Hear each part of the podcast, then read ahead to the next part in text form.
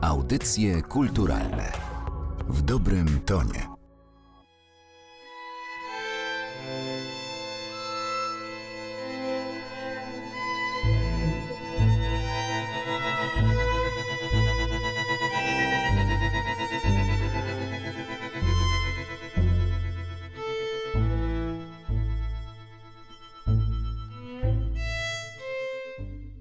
Przy mikrofonie Martyna Matwiejuk. Witam Państwa bardzo serdecznie w kolejnym odcinku Audycji Kulturalnych. Dziś moim gościem jest kompozytorka Teoniki Rożynek. Witaj. Dzień dobry.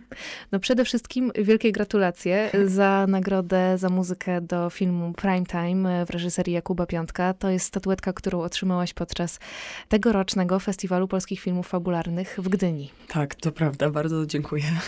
No to po kolei, jak to się zaczęło, że twoja muzyka znalazła się w tym filmie? Po kolei. Historia wyglądała tak, że odezwał się do mnie Kuba Piątek.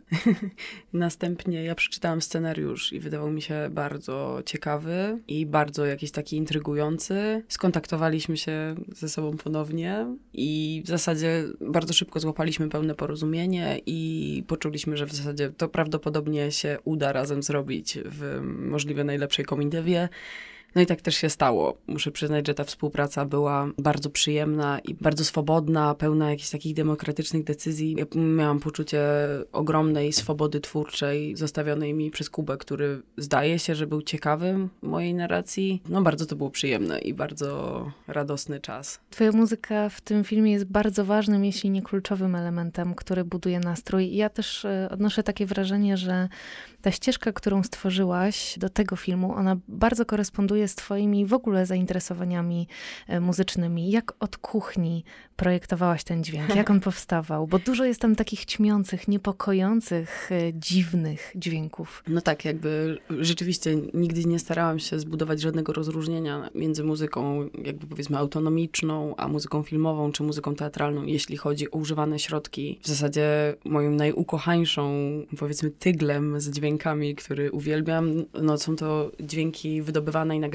przeze mnie z różnych obiektów, odpadów, czy śmieci, czy jakichś pokrojonych fragmentów nagrań. Gdzieś przyznam szczerze, że cały ten galimatias dźwięków, które można uzyskać dzięki właśnie nagraniom prostych obiektów na mikrofonach kontaktowych sprawia, że tam można wyciągnąć super ciekawe brzmienia i w zasadzie tutaj również większość materiału została nagrana u mnie w studiu na linijkach, obiektach typu stoper do gotowania jajek, no tego typu rzeczy. Większość nagrań również była robiona przy użyciu mikrofonów kontaktowych, które sama lutuję, w związku z czym jakby taka generalna otoczka lo-fi slash DIY zdecydowanie jest jakby wiodąca. Oczywiście ostatni fragment jest nagrany przez kwartet smyczkowy w składzie Angela Gołaszewska-Dziołak, Agnieszka Podłucka, Roxana Kwaśnikowska-Stankiewicz i Małgorzata Szydłowska. I to były bardzo też przyjemne nagrania, które zrealizowaliśmy w studiu Polskiego Radia. Realizatorem była Zofia Moruś. Bardzo mnie zaciekawiło to, co powiedziałaś, że nie wprowadzasz tego rozróżnienia między muzyką autonomiczną, a muzyką ilustracyjną. Gdzie byś postawiła granicę w takim razie przy tworzeniu tego typu muzyki do filmu czy, czy do spektakli teatralnych? Tę granicę pomiędzy tym, co jest Twoim upodobaniem, chęcią eksploracji jakiejś przestrzeni dźwiękowej, no a jednak między tą służebną rolą muzyki ilustracyjnej? To jest zasadne pytanie. W sumie tak naprawdę zorientowałam się jakiś czas temu, że różnica, która stoi między, różnica, którą wypatrzyłam pomiędzy muzyką autonomiczną a muzyką powiedzmy użytkową w moim wydaniu, głównie zasadza się na tym, że jest jest mniej intensywna, jeżeli chodzi o prowadzenie narracji. Ma odrobineczkę mniej zajmujących uwagę wydarzeń i jakby tak naprawdę ta różnica sprawia, że ona gdzieś przyjmuje w jakimś rozumieniu służebną funkcję. Niemniej, generalnie staram się jakby nie wytwarzać ilustracji do scen w filmie czy w teatrze, gdyż najczęściej one są zupełnie niepotrzebne. Obraz, dźwięk jakby słowo mówią wszystko i dołożenie kolejnej warstwy, która mówi dokładnie to samo, najczęściej sprowadza się do tego, że wygląda to jak mm, napisy pod filmem. To jest tautologia i gdzieś ja bardzo serdecznie unikam sytuacji, w których muzyka stanowi wsparcie emocjonalne dla danej sceny, a nie zaś prowadzi swój równoległy kontrapunkt, który po prostu gdzieś próbuje zaproponować jakąś równoległą narrację, która ma swoją odrębność i która po prostu wspiera narrację prowadzoną w obrazie. Mhm. A co z estetyką? Czy zgodziłabyś się stworzyć soundtrack do filmu, który ci się nie podoba? Jeszcze nie miałam takiej sposobności, muszę przyznać. Czasami myślę, że mogłoby być to trudne do ocenienia, gdyż najczęściej decyzje o współpracy i jej podjęciu podejmuje się na poziomie scenariusza. Ale zakładam, że gdybym na przykład w scenariuszu zobaczyła rzeczy, które nie po przeczytaniu tekstu nie, nie, nie jakby nie, nie... Nie czujesz tego. Albo nie czuję, albo po prostu gdzieś też nie dają nadziei na myślenie o tym, że ten film może być świetny raczej bym nie chciała wchodzić w taką współpracę. Dzieje się to też na skutek tego, że jestem beznadziejnym kameleonem i tak na dobrą sprawę troszeczkę ciężko byłoby mi operować rzeczami, które w jakiś sposób y, nie, nie będą wynikały z estetyki muzycznej, którą pielęgnuję, w związku z czym gdzieś wyobrażam sobie, że cała sekcja filmów, w których muzyka jakby nie mieszcząca się w moim worku z estetyką, powiedzmy, no to, to cała ta sekcja filmów raczej musiałaby zostać przeze mnie odrzucona, albo nazwijmy rzeczy po imieniu, raczej nie zostałabym wybrana do zrobienia takiego soundtracku. Mhm. A czy dobra muzyka jest w stanie uratować zły film, jak sądzisz? W ogóle tak nie uważam. Dobra muzyka jest w stanie pomóc filmowi, zła muzyka nie jest w stanie położyć filmu. Potrafi przeszkadzać oczywiście w odbiorze, ale wydaje mi się, że chyba, że z jakiegoś powodu dobra muzyka jest w stanie wesprzeć niektóre sceny, także sceny z dobrą muzyką zaczynają nabierać jakiegoś fajnego sensu. Wydaje mi się, że po prostu wartość filmu jest składową wszystkich składników, w związku z czym jeżeli jeden składnik jest świetny, a reszta leży, nie ma takiej szansy, żeby wyratować taką sytuację. Mhm. Ja Ci bardzo dziękuję za muzykę do prime time'u. E, przyznam, że zwłaszcza w e, warunkach kinowych to było naprawdę niesamowite przeżycie. E, chciałabym poruszyć jeszcze jeden wątek, ponieważ odbierając nagrodę podczas festiwalu w Gdyni powiedziałaś o tym, że cieszysz się, że po raz kolejny ta nagroda za muzykę i w ogóle nagroda na tak dużym festiwalu trafia do kobiety. Przypomnijmy, że w poprzednim roku była to Hania Rani za muzykę do filmu Piotra Domalewskiego, Jak najdalej stąd. No obserwujesz ten świat już od lat. Czy świat teatru, czy świat filmu otwiera się na kobiety? Wydaje mi się, że tak. Wydaje mi się, że ta tendencja jest, jest zdecydowanie mm, nadziejna ale z drugiej strony jakby uciekłam sprzed mikrofonu te dwa dni temu, e, zanim zdążyłam dokończyć zdanie, bo z jednej strony bardzo mnie cieszy, że taka tendencja się pojawia, z drugiej strony byłam przerażona, że Hania była pierwszą kobietą, która dostała nagrodę i to było w zeszłym roku za muzykę. Co oznacza pokrótce, że jasne, tendencja jest in plus, ale jest tak nowa, że jeszcze tak naprawdę nie można nic powiedzieć. Wiesz, co jest też ciekawe, że spośród 16 filmów konkursu głównego, ty jesteś jedyną kompozytorką muzyki. Pozostałe 15 tytułów muzykę do nich stworzyli mężczyźni. I jest to dla mnie zaskakujące. Cały czas nie rozumiem, z czego się to bierze, że rzeczywiście w muzyce filmowej, muzyka filmowa szczególnie jest super zdominowana przez mężczyzn, super zdominowana i długo się zastanawiałam nad tym, czy to ma związek z tym, że kino operuje wyższymi stawkami i jest tam większy prestiż, w jakimś rozumieniu jest większa popularność. Nie, nie wiem, jakby ciężko jest mi to ocenić. W ogóle nie rozumiem takiej tendencji, gdyż jakby znam bardzo wiele kobiet, które robi świetną muzykę i jestem przekonana, że muzyka filmowa w ich wykonaniu również byłaby świetna ponieważ mają genialną wyobraźnię i są świetnymi warsztatowo twórcami. Ciężko jest mi to ocenić, w ogóle nie wiem jakby z czego się to bierze, ale jest to przerażająca obserwacja i kiedyś nawet pamiętam, że parę lat temu przeglądałam magazyn chyba Kino i tam jest taka sekcja, że są na, na marginesach wypisane jakby stopklatka z filmu, jest napisane podstawowi twórcy i przysięgam, przejrzałam dużą część tego fragmentu czasopisma i nie znalazłam tam nazwiska żadnej kobiety. Mm. W rozumieniu, oczywiście mówię o muzyce filmowej, bo jakby gdzieś mam wrażenie i jakby z, z, radością obserwuję to, że na przykład w reżyserii czy w sztuce operatorskiej ta tendencja jest znacznie bardziej wyraźna i cieszy mnie to na maksa.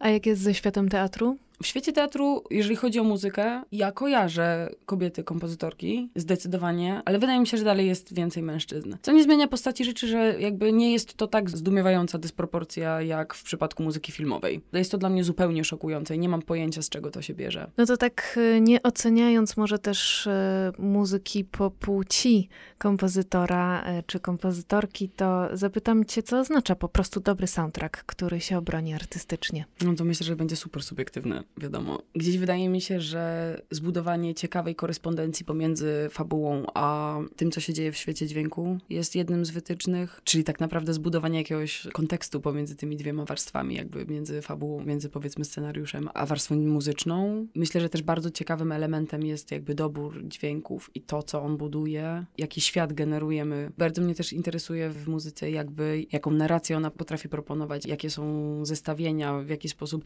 W sensie z jednej strony podyktowanie jakby i przypisanie wątków muzycznych do postaci, czy do wydarzeń, do miejsc, jakby jest jakimś takim super prostym zabiegiem, bardzo popularnie wykorzystywanym, ale wydaje mi się, że jakiegoś rodzaju pomysłowość w tej materii potrafi bardzo wiele wrzucić, poczucie humoru w tej materii potrafi bardzo wiele dorzucić.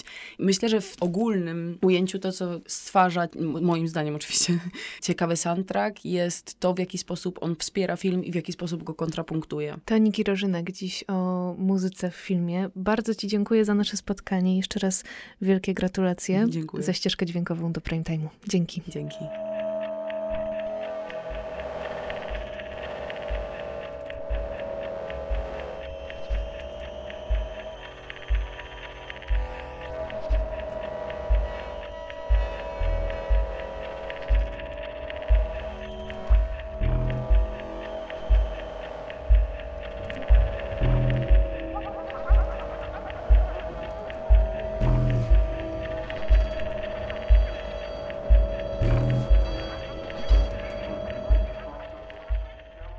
Moim kolejnym gościem jest e, skrzypek i kompozytor Tomasz Mreńca, autor ścieżki dźwiękowej do skowytu w reżyserii Bartosza Brzezińskiego. Rozmawiamy dziś o muzyce filmowej. Tomek łączy się z nami z nadmorza. Witaj. Cześć, cześć, witam wszystkich. Pozdrawiam z koło brzegu. Oj, zazdroszczę. Zanim porozmawiamy o soundtracku do Skowytu, to zapytam Cię jako odbiorcę kultury, odbiorcę sztuki, jak duża jest Twoim zdaniem rola oryginalnych ścieżek dźwiękowych w filmach? No mi się wydaje, że jest y, olbrzymia oczywiście. I wydaje mi się, że jest bardzo istotna. I też taka oryginalność w muzyce jest coraz bardziej, wydaje mi się, doceniana, bo nawet w tych dużych produkcjach zauważyłem ostatnio taką tendencję, że do dużych produkcji zapraszani są artyści, którzy być może nawet na co dzień nie zajmują się produkowaniem, realizacją, komponowaniem do filmu, a mają po prostu jakiś swój własny charakterystyczny język wypowiedzi, język muzyczny, który w filmie się sprawdza, jak na przykład wiolonczelistka Hildur, która robiła muzykę do serialu Czarnobyl czy do Jokera, to ja tam czuję taki bardzo indywidualny sznyt, coś bardzo oryginalnego, wyrazistego i coś nie do podrobienia i właśnie jakby ta tendencja mi się podoba, jest to bardzo duża wartość. O tę indywidualność przy tworzeniu muzyki filmowej jeszcze na pewno e, będę chciała Cię zapytać. Muzyka filmowa pojawiła się w Twoim życiu twórczym stosunkowo niedawno. Wydaje mi się, że to jest coś zupełnie innego niż tworzenie jednak muzyki indywidualnej, autonomicznej. Mm, no bo tutaj mamy pracę z obrazem, mamy pracę z konkretną historią, mamy też pracę z reżyserem to jest chyba zupełnie inny model tworzenia. No, zgadzam się. Jakby wydaje mi się, że podczas tworzenia tych rzeczy solowych, jedyną rzeczą, od której są, się jakby odbijam, są moje prywatne emocje i wszystko to, co mnie otacza, co na mnie wpływa, pewnie odbija się w mojej muzyce autorskiej solowej. W muzyce filmowej jakby jest zupełnie inaczej, bo rzeczy, od, które są dla mnie inspiracją, są bodźcem do powstawania tej muzyki. Nie muszę ich szukać w sobie, a szukam tych emocji w aktorach, a też bardzo często w obrazie, który jest dla mnie istotny i, i potrzebny do stworzenia muzyki w filmie. Na przykład podczas e, pracy nad filmem Skowyt, kiedy Bartosz Brzeziński mnie zaprosił, ja nie widziałem, nie znałem jeszcze jakby dokonań Bartosza i nie znaliśmy się też prywatnie, ale gdy dowiedziałem się, że będzie współpracował z Maxem Bugajakiem, czyli e, operatorem, a znam pracę Maxa, wiem, że to jest bardzo utalentowany operator, miałem pewność, że ten obraz będzie piękny i znajdę jakiś po prostu wspólny e, mianownik z tym obrazem. Dlatego zdecydowałem się podjąć współpracę. No i cieszę się, bo faktycznie te obrazy, które zobaczyłem, bardzo mocno na mnie oddziaływały i przez to praca nad muzyką była bardzo łatwa dla mnie. Mhm. To dodajmy jeszcze, że ten film zdobył nagrodę specjalną podczas tegorocznego konkursu filmów krótkometrażowych. Wielkie gratulacje. Ja również rozmawiając z Bartoszem Brzezińskim o tym filmie podkreślałam i też rozmawialiśmy właśnie o jakiejś takiej czułości, która myślę, że została bardzo dobrze w tym filmie uchwycona i oddana. Na czym ty koncentrowałeś się tworząc muzykę do tego obrazu? E, ja na początku obejrzałem sam film w surowej wersji, czyli on był bez udźwiękowienia, nie było odgłosów przyrody, nie było jeszcze dialogów też aktorów popodkładanych wszystkich, nie, oczywiście nie było też muzyki, więc skupiałem się głównie na obrazie i zastanawiałem się, co ten obraz mi daje. Czego mu brakuje, albo czy można byłoby wypełnić tą przestrzeń. Zastanawiałem się, co przeżywają bohaterowie, co odczuwają i czy jestem w stanie jakby te emocje podbić y, muzyką. No i później już w naturalny sposób po prostu zabrałem się do pracy i intuicyjnie te rzeczy powstawały. Wydaje mi się, że, że właśnie przy takim porozumieniu, kiedy te wszystkie elementy się zgadzają, kiedy twórcy czują podobnie, to w zasadzie nie trzeba wielu słów, wielu ustaleń, żeby ta muzyka powstała i się zgrała, bo faktycznie Bartek dał mi dużą swobodę przy tworzeniu tej muzyki. Mimo, że wymieniliśmy z trzy wiadomości na samym początku i z dwie na końcu. Po prostu wszystko się tam e, udało ładnie połączyć. No właśnie, kiedy twórcy się ze sobą zgadzają, zastanawiam się, na ile musisz czuć fabułę, na ile musisz czuć scenariusz, czuć daną historię, żeby stworzyć do niej muzykę. No, wydaje mi się, że, że to jest bardzo ważny element i muszę czuć fabułę i muszę też współodczuwać pewne emocje z, z aktorami, żeby to wszystko zrozumieć, bo wtedy łatwiej pracować i łatwiej po prostu ten film muzyką wypełnić. Tu też pojawia się właśnie ten wątek indywidualności w muzyce, do którego chciałabym nawiązać, bo zastanawiam się często nad tym właśnie wytyczaniem granic, nad tym, gdzie powinien znajdować się Twoim zdaniem ten próg pomiędzy własnym stylem, tym, co Ciebie jako artystę teraz muzycznie e, na przykład ciekawi, no a jednak między muzyką, która powstaje do czegoś, pod coś. No, zgadza się, oczywiście. Trudno mi jeszcze odpowiedzieć na to pytanie. Ja do tej pory zrobiłem trzy filmy i działałem dosyć intuicyjnie i też intuicyjnie dobierałem instrumentarium, brzmienie i nie mam jakichś konkretnych kluczy ani konkretnych założeń przed rozpoczęciem pracy. Na razie to wszystko jest dla mnie bardzo nowe i te wszystkie ścieżki przechodzę po raz e, pierwszy. No ja na ten moment po prostu działam intuicyjnie. To zdradź jeszcze proszę na zakończenie swój ulubiony soundtrack filmowy. O, Hmm, ostatnio wróciłem już do wspomnianej Hildur, która stworzyła muzykę do serialu Czarnobyl i uwielbiam, gdy w takiej pozornie wesołej, przepełnionej szczęściem scenie, gdy ludzie tańczą, ten popiół spada z nieba, popiół z tego reaktora. Hildur tam wprowadziła niesamowite brzmienia, niesamowite dźwięki, zupełnie na kontrze do tej całej radości, to wprowadza olbrzymi niepokój. No ja byłem pod wrażeniem, wczoraj też sobie wracałem do tej sceny, więc tak jakbym miał na szybko wybierać, to hmm, to bym wybrał tą ścieżkę dźwiękową. Tomasz Mreńca był dziś moim i Państwa gościem. Tomek jest twórcą ścieżki dźwiękowej do skowytów reżyserii Bartosza Brzezińskiego. Bardzo Ci dziękuję za nasze spotkanie i gratuluję też tej muzyki, bo ona jest jednym z bohaterów tego filmu i chyba o to w tym wszystkim chodzi. Dziękuję bardzo. Cieszę się, że ten odbiór filmu był tak pozytywny. Faktycznie dostałem dużo wiadomości po festiwalu w Gdyni. Dziękuję w imieniu swoim, ale też wszystkich twórców, bo mam świadomość tego, że jestem jakby jednym z trybików y, całej wielkiej machiny i wielu osób, które stoją za sukcesem tego filmu. No i przy okazji zapraszam na kolejne festiwale, bo widziałem, że film będzie wyświetlany na kolejnych festiwalach, także zapraszam serdecznie.